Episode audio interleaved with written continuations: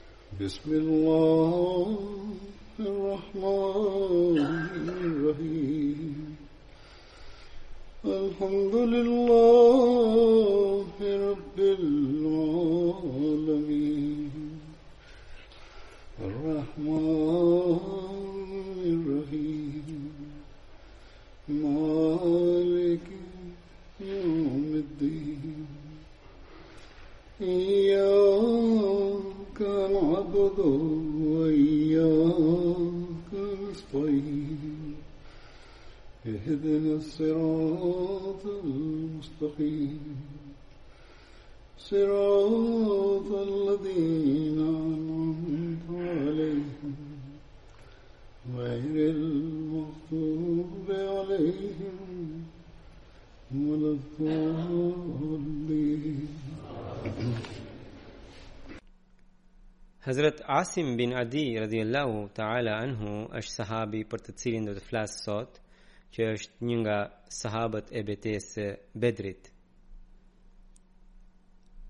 Babai i Hazrat Asimit ishte Adi, ai vinte nga fisi Banu Ajlan bin Haritha, i cili ishte aleat me fisin Banu Zaid bin Malik.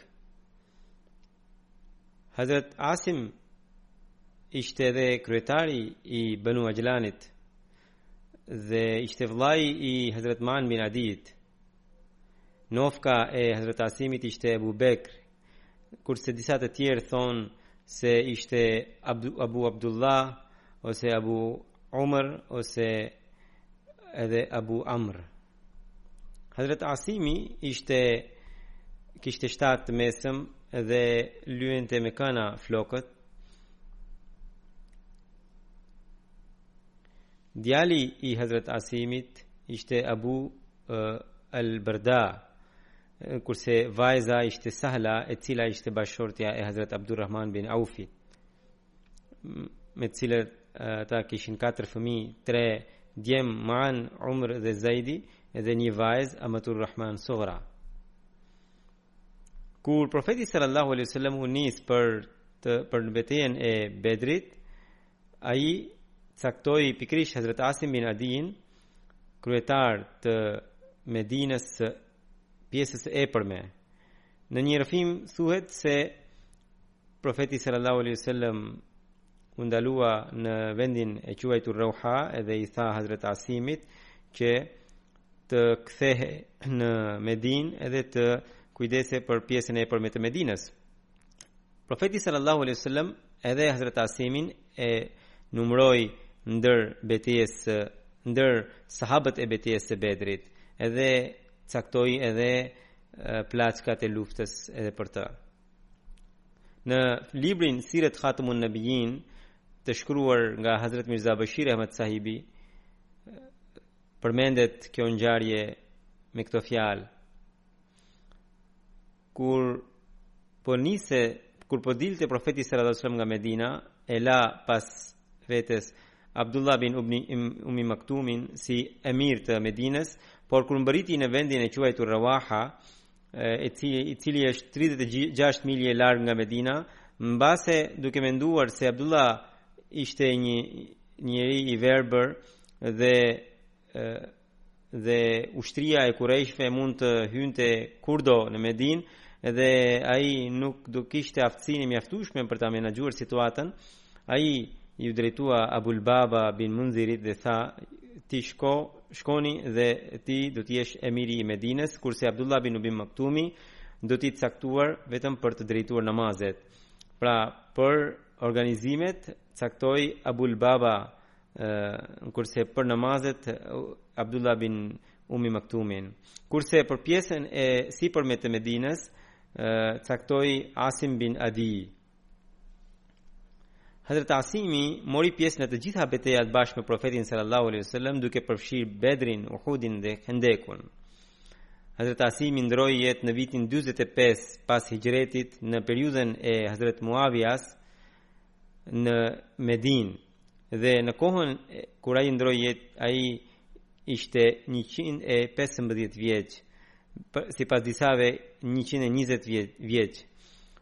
Kur erdhi koha e vdekjes Asimit, antarët e shtëpisë filluan të qanin dhe ai i tha, "Pse qani? Unë e kam kaluar moshën time, e kam kaluar gjithë jetën time." I dërguari i Allahut sallallahu alaihi wasallam kur kërkoi sahabëve që të bënin sakrifica financiare për betejën e Tebukut, dhe filloi t'i përgatiste ata, atëherë sidomos të pasurve u kërkoi që të sillnin pasuri dhe kafshë për të udhëtuar. Atëherë sahabët sipas mundësisë dhanë sakrificat e tyre. Pikërisht ishte kjo kohë kur Hazret Ebu Bekri radiallahu anhu solli gjithçka që kishte në shtëpi që kushtonte 4.000 dirham. Profeti sallallahu alaihi wasallam e pyeti Hazrat Abu Bekrin, Çfarë ke lënë o Ebu Bekër për anëtarët e shtëpisë? Allahun dhe të dërguarin e tij iu përgjigj Ebu Bekri. Hazret Omeri solli gjysmën e pasurisë së shtëpisë dhe pyeti i dërguari i Allahut sallallahu alaihi wasallam, "Çfarë ke lënë në shtëpi o Omer?" Gjysmën e kam lënë në shtëpi, tha Hazret Omeri. Në këtë kohë Hazret Abdulrahman bin Aufi solli 100 auqia. 100 auqia kushtonin, falni, një auqi kushtonte 40 dirham. Edhe atëherë profeti sallallahu alaihi wasallam tha Osman bin Affani dhe Abdulrahman bin Aufi në tokë janë dy prej thesaret e Zotit.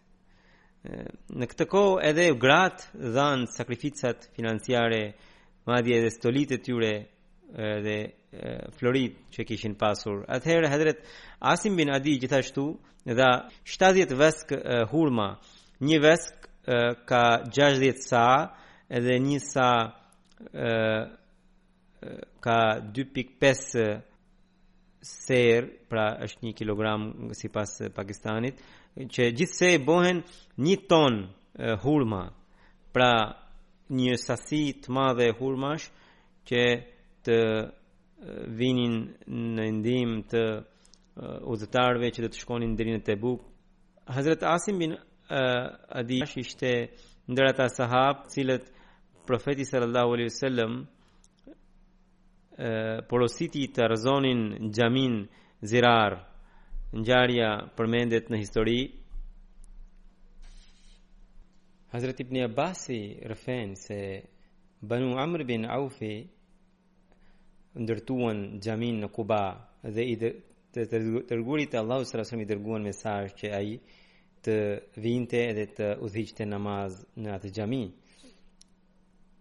kur Benu Ganëm bin Auf njerëzit e këtij fisi pra njerëzit e fisit Benu Ganëm bin Auf ishte një fis tjetër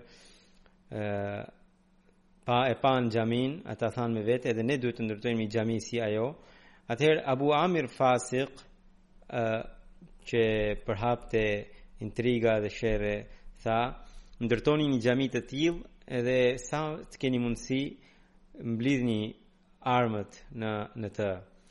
Qëllimi i tij ishte që të kishte një fole ku të mund të planifikonte për të rrezuar Islamin.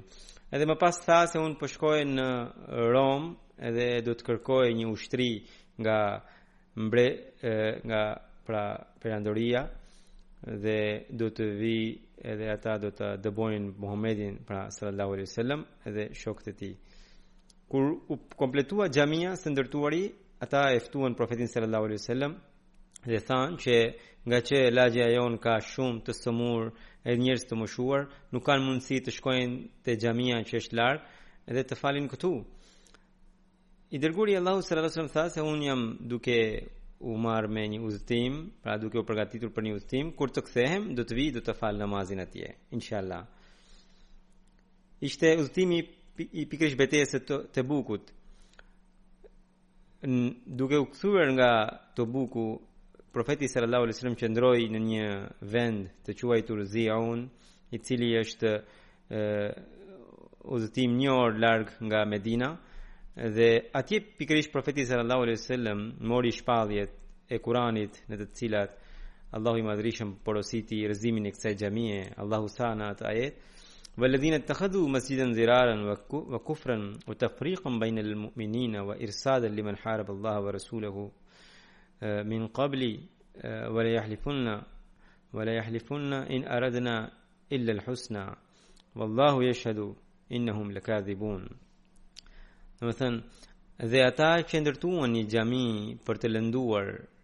për të mohuar, për të krijuar ndasi mes besimtarëve dhe për t'i mundësuar pritë atij që ka luftuar kundër Allahut dhe të dërguarit të tij më parë, patjetër do të betohen, donim vetëm të mirën.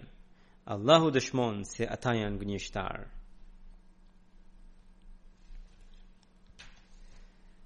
Profeti sallallahu alaihi wasallam në atë kohë porositi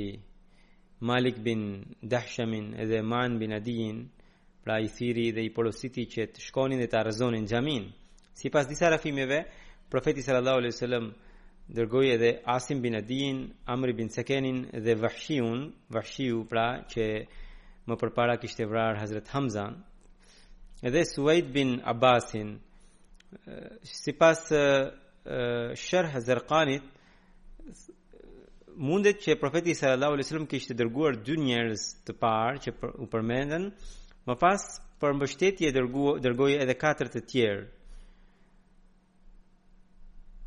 Ata profeti sallallahu alaihi wasallam i nisi drejt xhamisë Zirar dhe tha që të rrëzonin për tokë dhe ta digjnin. Të gjithë këta kur shkuan me nxitim si dhe në fisin Banu Salim, Hazret Malik bin, pra i cili ishte fisi Hazret Malik bin Duhshemi, ai i tha Muanit, më jepni pak kohë që të sjell zjarr nga shtëpia, ai solli ë degë të thata të hurmave dhe të pra të, të flakura dhe më pas shkoi te ajo xhami dhe e dogji dhe pastaj edhe e rrëzoi për tokë. E këtë ngjarje e kam përmendur pjesërisht edhe në lidhje me Hazrat Malik bin Dahshamin, pra kur po e përmendja jetën e tij. Sidoqoftë, aty ishin edhe disa nga ata që e ndërtuan këtë xhami, por pasi ndezën zjarr, ata u larguan. Profeti sallallahu alaihi wasallam kur mbërriti në Medinë, ai donte t'ia jepte këtë tokë Asim bin Adit, pra që ai të bënte shtëpinë për vete. Pikërisht sahabit për të cilin po flasim. Por Asim bin Adi i kërkoi ndjesë dhe tha që në lidhje me këtë Allahu i Madhërishëm tha se Ajo kjo xhami është ndërtuar në një vend ku Zotit nuk i pëlqeu ndërtesa. Dhe më pas profeti sallallahu alaihi wasallam atë tokë ia dha Thabit bin Akramit, sepse ai nuk kishte asnjë shtëpi. Asim bin Adi ka ka thënë edhe diçka tjetër që unë kam shtëpi dhe unë nuk dua ta marr këtë tokë. Më mirë t'ia jepni Thabit bin Akramit, edhe arsyeja është që ai nuk ka asnjë shtëpi. Edhe kjo do të ishte një mundësi që ai të ndërtonte për vete një shtëpi. Kështu që profeti sallallahu alaihi wasallam atë tokë ia dha Thabit bin Akramit. Sipas Ibn Ishakut, hipokritët që e ndërtuan xhaminë Zirar ishin Khazan bin Khalid, Mu'tib bin Qushair, Abu Abiba bin Azhar, Abad bin Hunayf, Jara bin Amir dhe dy djemtë e tij, Mujma bin Jaria dhe Zaid bin Jaria, Nufail bin Harith, Yaqdhal bin Nu'man, Vadia. Pra, këta ishin njerëz që në bashkëpunim me Abu Amir Rahibin, për të cilin profeti sallallahu alaihi wasallam kishte thënë se ishte i lig, e ndërtuan këtë xhami.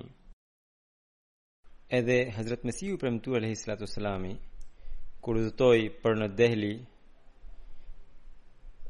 vizitoi xhaminë kryesore të qytetit e tha se është xhami shumë e bukur, por bukuria e vërtetë e xhamisë nuk është nga ndërtesa, por është nga namazfalësit që e falin me sinqeritet namaz në atë xhami. Tha se në atë kohë kishin shumë xhami që ishin të shkretuara. Tha që gjitha këto xhami janë të shkretuara sepse ë nuk janë të ndërtuar siç duhet. Profeti sallallahu alaihi wasallam ka pasur xhami të thjeshtë me degë hurmash dhe ë pikonte kur binte shi bukuria e xhamisë është për shkak të namazfalësve. Edhe në kohën e profetit sallallahu alajhi wasallam materialistët ndërtuan një xhami e cila u rrëzua me urdhrin e Zotit që ishte quajtur xhami Masjid Zirar, domethënë xhami e dëm, dëmtuese. Për xhamitë, Mesihu në Islam thotë që për xhamitë porosia e Zotit është që të ndërtohet mbi bazën e takvasë. Sot një pjesë e muslimanëve ka kushtuar rëndësi edhe në ndërtimin e xhamisë, xhamive edhe çuditërisht edhe kjo erdhi pas ardhjes së Mesihut të premtuar alejhi salatu selam Më përpara ishin në gjumë muslimanët edhe ata filluan të adhurojnë të paktën në dukje edhe kjo pra erdhi pas ardhjes së Hazrat Mesihut të premtuar alejhi salatu selam ndërtojnë xhami shumë të bukura edhe ata Dhe pavarësisht nga fakti që e ndërtojnë me shumë vëmendje xhamitë, ka edhe njerëz që falin namazet aty, sidomos në Pakistan, por janë të zbrasta nga takva. Allahu i madhërishëm pasi përmendi ngjarjen e xhamisë Zirar Në e, më pas e, shumë qartë tha që xhamia e vërtetë është vetëm ajo e cila ndërtohet mbi bazën e takvasë. Por këta ulemat jo ahmedian në mendjen e tyre takvanë e kanë kuptuar që thjesht ta shajnë Hazrat Mesihun e premtuar alayhi salatu wasalam duke qëndruar në xhamitë e tyre dhe të përdorin gjuhë të ndytë ndaj tij të përhapin urrejtje për xhamatin musliman Ahmedia dhe jo vetëm kaq madje shpesh ndodh dhe për shkak të rrjeteve sociale përhapin video që ata kanë kaq shumë kundërshtime me njëri tjetrin saqë brenda xhamisë fillojnë të ngrinden deri në kacafytje dhe shajnë njëri tjetrin. Kështu që të gjitha këto gjëra tregojnë se këtu ata nuk kanë takva. dhe xhamitë e tyre nuk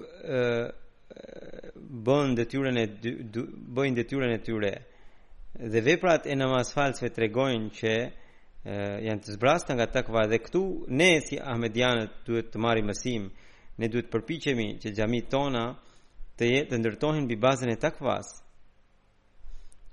ne të kemi parasysh gjithnjë takvan edhe ta popullojmë xhamin ton dhe xhamit tona. Në qoftë se do të mbajmë parasysh këtë realitet, ne do të vijojmë të trashëgojmë bekimet e Zotit Madhërishëm. Hazret Kalifi i parë i Mesihut të Premtuar alejhi salatu selam duke shpjeguar pikërisht këtë ajet, pra liman haraballaha, pra ai që lufton Allahun, Thot që kjo referohet Abu Amirit që ishte i krishter dhe njëra prej intrigave të tij ishte që të ndërtonte një xhami dhe aty të vinte profeti sallallahu alajhi wasallam që dhe të falte namazin, kështu vetvetiu muslimanët do të vinin atje dhe ai kështu do të merrte një grup të muslimanëve për t'i devijuar. Ai kishte parë dhe një ëndër, i tha se un kam par profetin sallallahu alaihi wasallam thot ai wahidan taridan sharidan që ai i përzën edhe i vetëm do të vdes profeti sallallahu alaihi wasallam kur e dëgjoi këtë tha se kjo ëndër është e vërtet por e vërteta është që këto fjalë janë për veten e tij kështu që Ndodhi mu ashtu siç tha profeti sallallahu alaihi wasallam. Hazrat Kalifi i parë thotë që prof, në këtë ëndër nuk u përmend emri edhe profeti sallallahu alaihi wasallam nuk e përmendi emrin e tij, do të thoshte që edhe në të ardhmen në qoftë se dikush do të vepronte kështu, Kjo do të ishte pasoja dhe fundi i tij. Edhe sot e shikojmë një gjendje të tillë. Sahabi i dytë që do të flasim sot është Amr bin Aufi. Hazrat Amri njihej gjithashtu me emrin Umair, babai i tij ishte Auf dhe nofka e tij ishte Abu Amr. Ai lindi në Mekë dhe sipas Ibn Sadit ai vinte nga Jemeni, pra ishte me origjinë nga Jemeni. Historianët dhe hadithologët kanë mendime të ndryshme në lidhje me emrin e tij. Për shembull, Imam sipas Imam Buhariut, Ibn Ishakut, Ibn Sa'd, Ibn Sa'dit pra dhe Allama Ibn Abdul Barrit dhe Allama Ibn Asir Jazriut e të tjera emri i tij ishte Amr edhe kurse Ibn Hishami Musa bin Aqba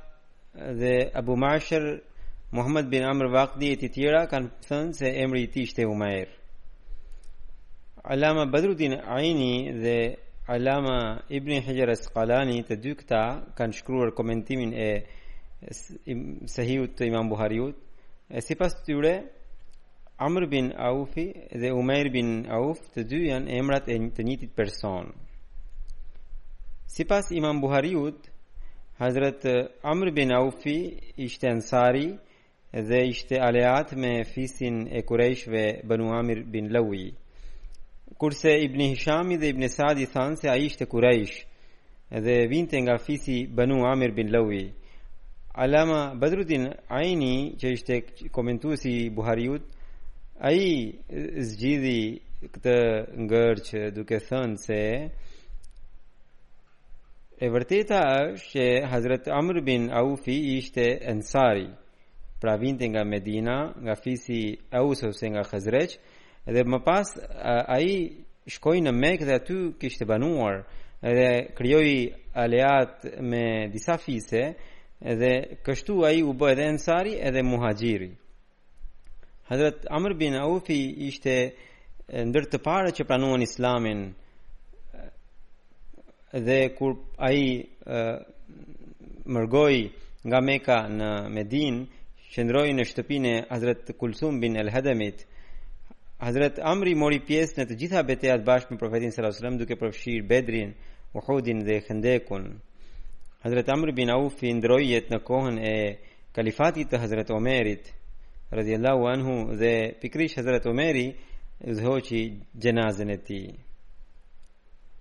Sahabi tjetër që do të përmend sot është Hazrat Hazrat Man bin Adi. Hazrat Mani ishte ensari dhe nga fisi Banu Amr bin Aufi dhe aleat me fat me këtë fis, pra ai ishte vëllai i Hazrat Asim bin Adit, për Asim bin Adin e kemi përmendur pak më parë. Hazret Mani ishte njëri prej 70 sahabëve që e bënë Bejti Aqba. Ai dinte shkrim e këndim në gjuhën arabe përpara se ta pranonte fenë islame. Shumë pak ishin në atë kohë që e dinin shkrim e këndim. Hazret Mani mori pjesë në të gjitha betejat bashkë me profetin sallallahu alajhi wasallam duke përfshirë Bedrin, Uhudin dhe Khandekun. Hazret Zaid bin Khattabi mërgoi nga Mekka në Medinë, më pas i dërguari i Allahut sallallahu alajhi wasallam vendosi vëllazëri mes Hazret Zaid bin Khattabit dhe mes këtij sahabi, pra Hazret Man bin Adit. Hazret Umar radhiyallahu ta'ala anhu tregon që kur i dërguari i Allahut sallallahu alaihi wasallam ndërroi jetë, unë i thashë Hazret Abu Bekrit, ju ejani me ne tek ansarët, kështu që unë dhe të dy shkuam atje dhe takuam dy njerëz të sinqertë që morën pjesë në betejën e Bedrit.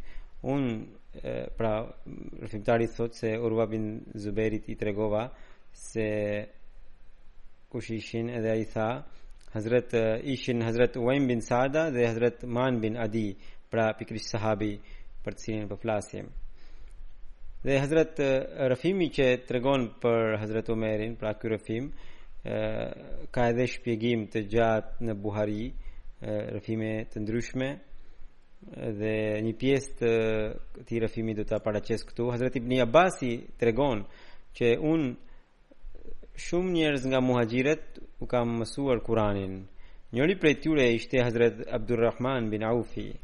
Një herë kur unë isha në shtëpinë e tij që gjendej në Mina, ai kishte shkuar tek pikërisht Hazrat Umar bin Khattabi Kjo ngjarje është e e haxhit të fundit që kishte bërë Hazrat Omeri. Hazrat Abdurrahmani kur u kthye dhe erdhi tek unë, pra Hazrat Abdurrahman bin Aufi, më tha, "Ah, sikur të ishe edhe ti Edhe ta shikoje atë njeri që erdhi tek kalifi pra i besimtarëve dhe tha o emirul mu'minin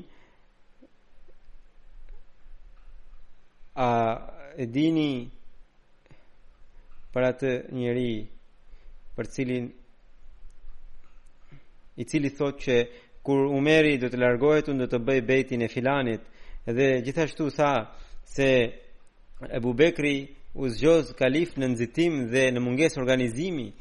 Pra, jo vetëm që ai shprehu që Hazrat pas Omerit do të bëj bejtin e filanit, por edhe kishte krijuar dyshime mbi zgjedhjen e kalifatit të Hazrat Abu Bekrit radhiyallahu anhu.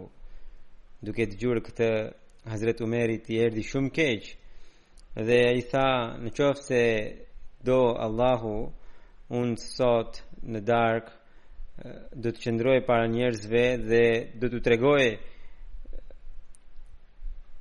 dhe do t'ua tërheq vëmendjen se çfarë gjëmash presin. Abdurrahmani thotë se unë i thashë o Emirul Muminin mos bëni kështu sepse në haxh ka shumë njerëz dhe ndër ta janë edhe vagabondë dhe njerëz të ligj dhe kur ju do të qëndroni ata do të përpiqen që të afrohen më shumë juve dhe unë kam frikë që kur ju do të thoni diçka të tillë keqdashësit do ta keqinterpretojnë atë dhe do ta përhapin tjetër për tjetër dhe njerëzit do ta keqkuptojnë më vonë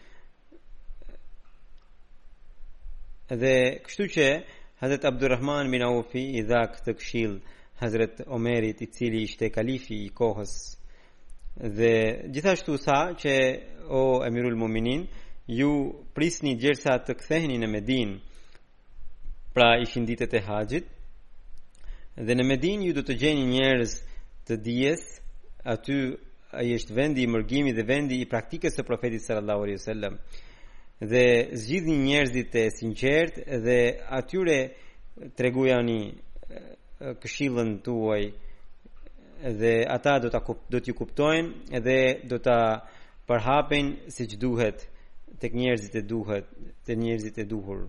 Hazrat Omeri tha, mirë, atëherë pa për Allahun, inshallah, hutben e parë që do ta mbaj në Medinë kur të kthehem, do ta them pikërisht këtë që kam ndërmend. Ibn Abbasi thotë që ne mbërritëm në Medinë në fund të, të muajit Zulhixha dhe kur erdhi dita e Xhumasë ne herët mbërritëm në xhami dhe unë u ula bashkë me Said bin Zaidit i cili ishte ulur afër mimberit gjunjët tona po puqeshin me njëri-tjetrin pra e shpjegon ngjarjen pas pak Hazrat Umar bin Khattabi doli dhe u ul pranë mimberit dhe unë i thashë Said bin Zaidit që kalifi i kohës sot do të thotë diçka që kurrë nuk e ka thënë Said bin Sadi u habit dhe tha, nuk besoj se ai do të thotë një gjë të tillë që nuk ka thënë ndonjëherë. Atëherë Hazrat Omeri u ul në mimber dhe kur kënduesi pra kur ai që thirrte azanin e mbaroi thirrjen e azanit Hazrat Omeri u çua dhe lavdroi Allahun dhe më pas tha që unë do të them diçka që ishte caktuar për mua që të them. Nuk e di që në qoftë se është vdekja ime është afër, prandaj ai që e kupton këtë gjë, le ta dijë Se kudo që ta çojë deveja atë, ai duhet ta përhapë këtë siç them unë.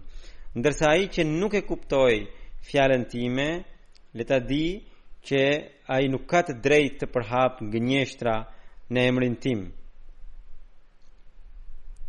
Më pas ai tha që Allahu i Madhërishëm dërgoi Muhammedin sallallahu alaihi wasallam me hak, pra me të drejtë dhe zbriti sheriatin mbi të.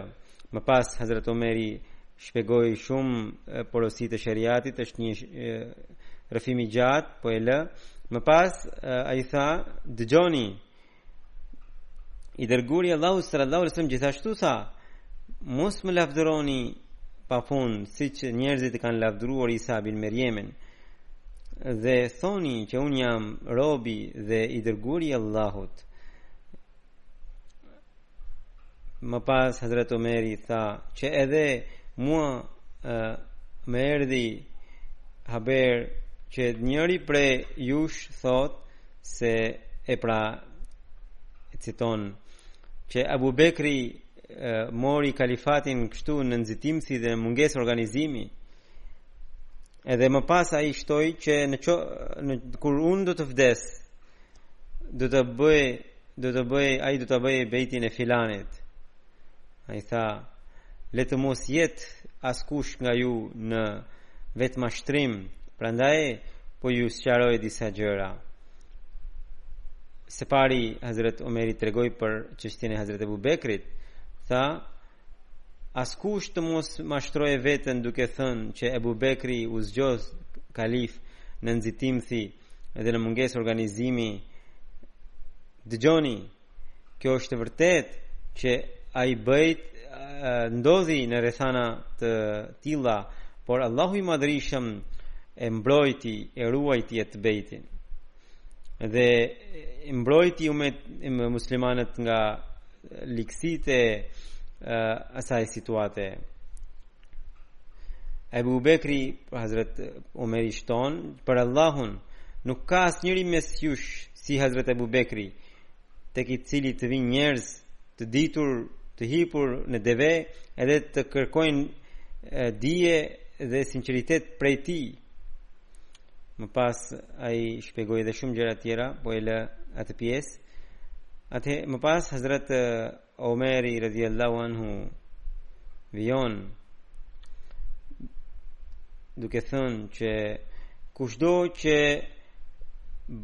bën bejt pa u këshilluar me muslimanët Le ta di që bejti i tij është i kotë dhe kushdo që kërkoi bejt pa u këshilluar me muslimanët dhe ai le ta di që bejti i tij nuk vle nuk është i vlefshëm ai atë e pret vdekja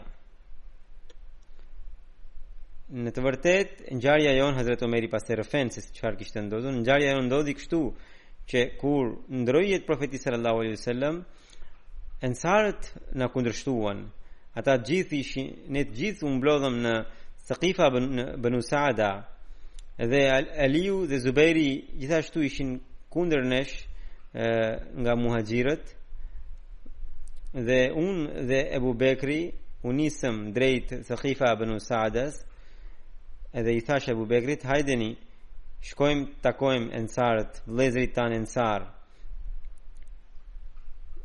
dhe gjatë rrugës po flisnim rreth tyre se si ata po flisnin kur iu afruam atyre dy njerëz të sinqertë prej tyre na takuan Pra është ai rrëfimi i parë dhe sipas të cilit njëri prej tyre ishte Hazrat Maan bin Adi. Dhe ata na këshilluan që të mos shkonim tek ansarët dhe na thanë që aty po bëhet një gjë e madhe dhe muhaxhirët nuk duhet të shkojnë në këtë moment atje. Madje na këshilluan që ju muhaxhirët bëni mbledhjen tuaj vetë.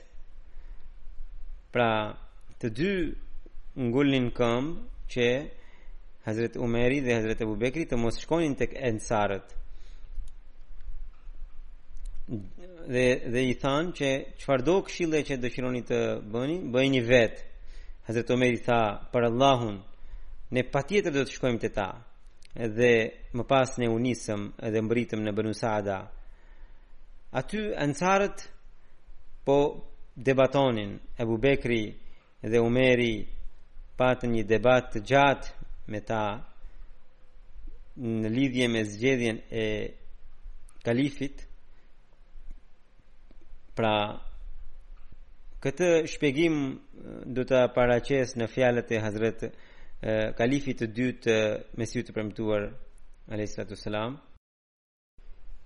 Pra, duke shpjeguar ngjarjen e Thekifa Benu Saidas, ku ensarët ishin mbledhur, Hazret Kalifi i dyti, Mesihut të Premtuar alayhi selam, thotë që pasi ndërroi jetë profeti sallallahu alaihi wasallam sahabët u ndanë në tre grupe grupi i parë mendoi që pas profetit sallallahu alaihi wasallam duhet të jetë një njeri i cili të organizojë sistemin e muslimanëve.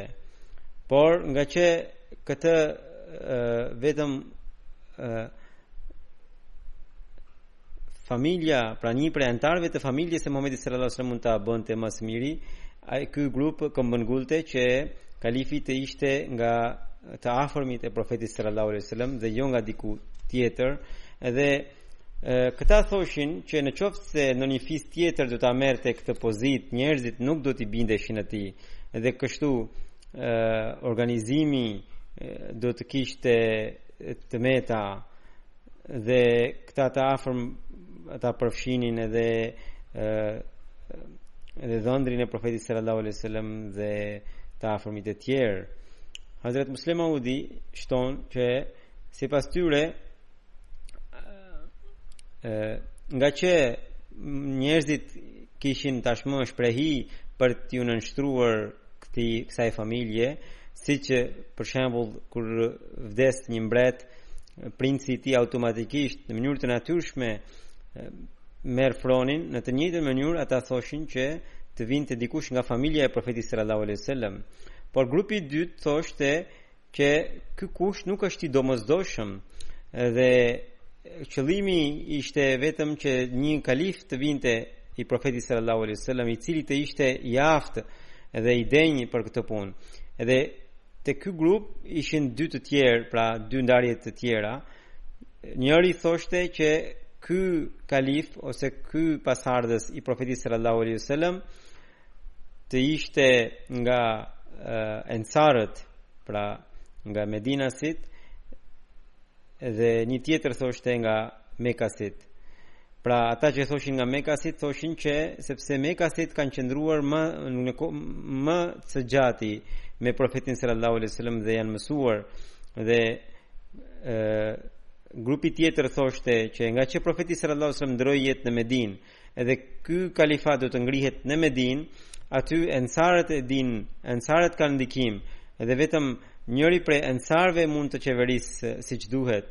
Ensarët thoshin që ngaqë profeti sallallahu alaihi wasallam pjesën e organizimeve të fesë islame e vendosi në Medinë dhe jo në Mekë, në Mekë madje nuk kishte asnjë sistem, edhe për këtë arsye ata thoshin që ensarët mund ta kuptojnë siç duhet e, sistemin e kalifatit dhe është e drejta e tyre e, për të qenë kalif.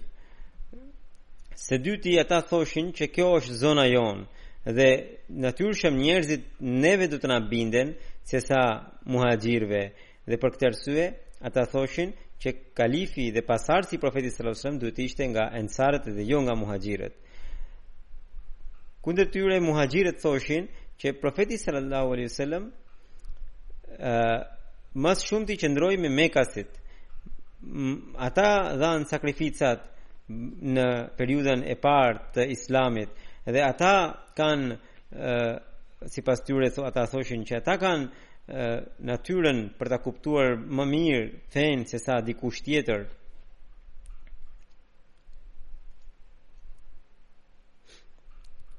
Dhe ende nuk kishin arritur në një përfundim, ky grupi i fundit që ishte që ishte në mbështetje të ensarëve, u mblodh në Bani Sada dhe aty ishte uh, Hazrat Saad bin Ubada, i cili ishte nga fisi Khazraj dhe ishte një prej nukëbave dhe prej prijësve të ensarëve, e zgjodhën dhe thanë se uh, Saad bin Ubada është njeriu më i duhur për të qenë kalif. Uh, këto janë tokat tona, pasuritë tona dhe është në dobi të islamit që njëri prej pra, madje pikërisht Saad bin Ubada të jetë kalifi i dhe pasardhësi i profetit sallallahu alaihi wasallam. Teksa po ndodhte ky debat, muha, dikush tha, në qoftë se muhaxhirët do ta refuzojnë këtë zgjedhje, çfarë do të bëjmë? Atëherë dikush u ngrit dhe tha minna amirun wa minkum amirun. Domethënë, ne do t'u themi një kalif prej nesh e një kalif prej juve. Saad, i cili ishte një njeri i mençur, tha, kjo do të jetë dobësia e parë e islamit pas Muhamedit sallallahu alaihi wasallam, menjëherë pas vdekjes së tij. Nuk është e mundur që të kemi dy kalifë, një prej tyre, një prej nesh. Kjo po e dobëson kalifatin edhe islamin në tërësi. Pas kësaj këshille, kur muhaxhirët morën vesh, ata erdhën me nxitim Dhe si që e tregoj edhe Hazret Omeri radhi Allahu Anhu, u përmen, edhe Abu Bekri dhe disa të tjerë, mbërritën, sepse ata thoshin, ata, sipas tyre, në qoftë se nuk do të jetë kalif nga muhaxhirët, arabët nuk do t'i bindeshin atij. Pra, me në Medinë patjetër pa dyshim që ensarët kishin ndikim, por në të gjithë Arabinë mekasit kishin ndikim. Prandaj muhaxhirët besonin që në qoftë se njëri prej ensarëve do të bëhej kalif, e gjithë Arabia do të ishte në sprovë dhe njerëzit nuk do t'i bindeshin atij. Të gjithë muhaxhirët kryesorë erdhën atje duke përfshirë Abu Bekrin, Omerin, Abu Ubejdan. Hazret Omeri thotë që unë kisha menduar një fjalim të fortë që për këtë e, rast edhe kisha menduar që sa të mbërrij atje do ta mbaj këtë fjalim dhe do t'i parashtroj argumentat e mia dhe derisa do t'i bind ensarët që ata të mos zgjedhin ndonjë kalif nga gjirit të tyre, por nga muhaxhirët. Dhe mirëpo kur mbërritëm atje Abu Bekri mori fjalën dhe unë mendova që çfarë do të thotë ky njeri, por për atë Zot. Gjithçka që unë kisha menduar, të gjitha i tha, madje tha edhe më shumë sesa ë uh, ato që kisha menduar, argumente. Atëherë kuptova që unë nuk mund të matem me Abu Bekrin. Kështu që ë uh,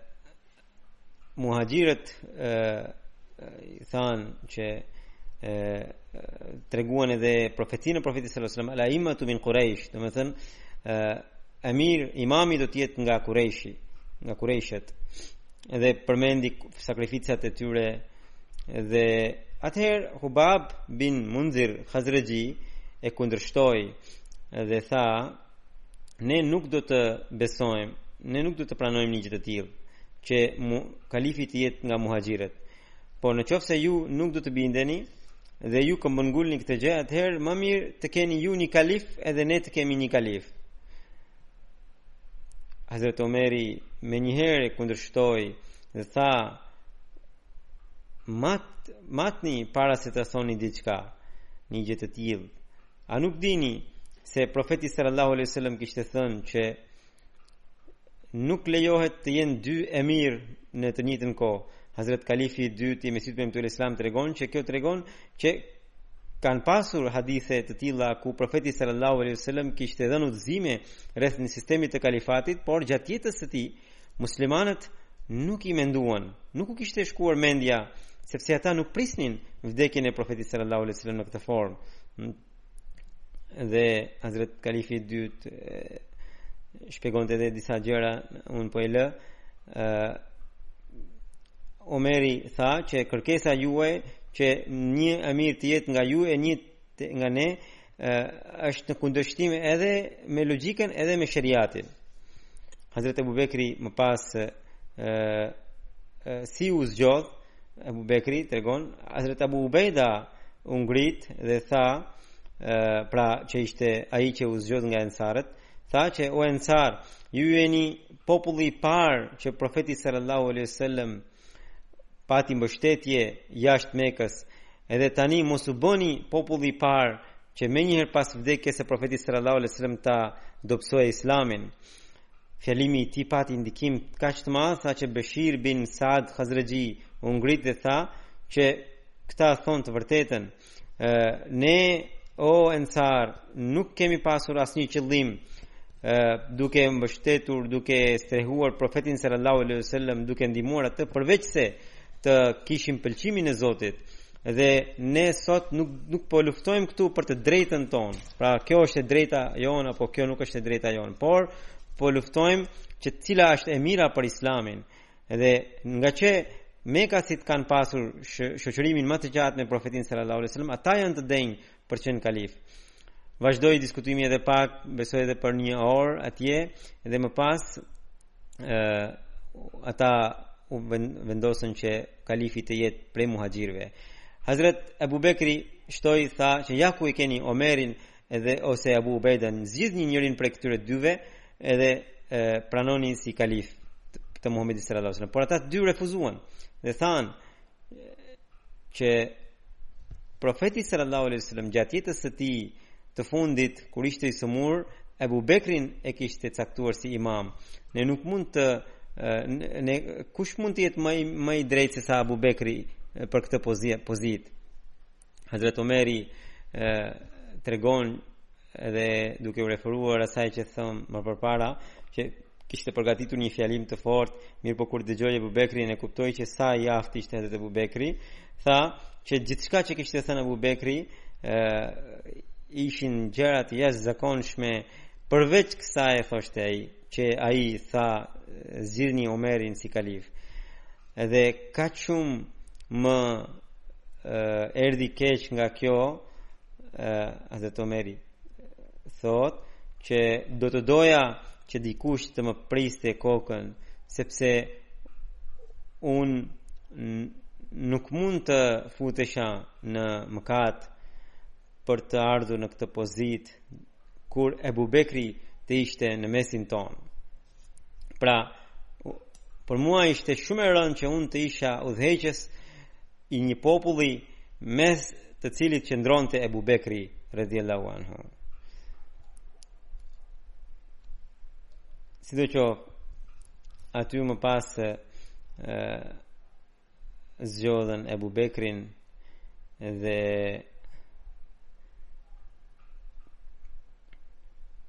pra kur Hazreti Omeri tha që më i miri është ne do ta bëjmë bejtin e në dorën e atij që është më i miri prej muhaxhirëve dhe ne gjithë e dimë që nuk është askush nuk nuk është i tillë përveç Ebu Bekrit Kështu që së pari Hazret Omeri bëri bejtin e Abu Bekrit, pastaj Hazret Abu Ubejda dhe më pas Beshir bin Saad Hazrexhi dhe më pas gjithë ensarët nga Eusi dhe nga Hazrexhi dhe kaq shumë njerëz vërshuan për të bërë bejt që saqë Saadi që ishte i sëmurë, populli i tij erdhi duke e shkelur Saadin Edhe Sadi, edhe përveç Sadi dhe Aliut, gjithë bënë bejtin e Abu Bekrit.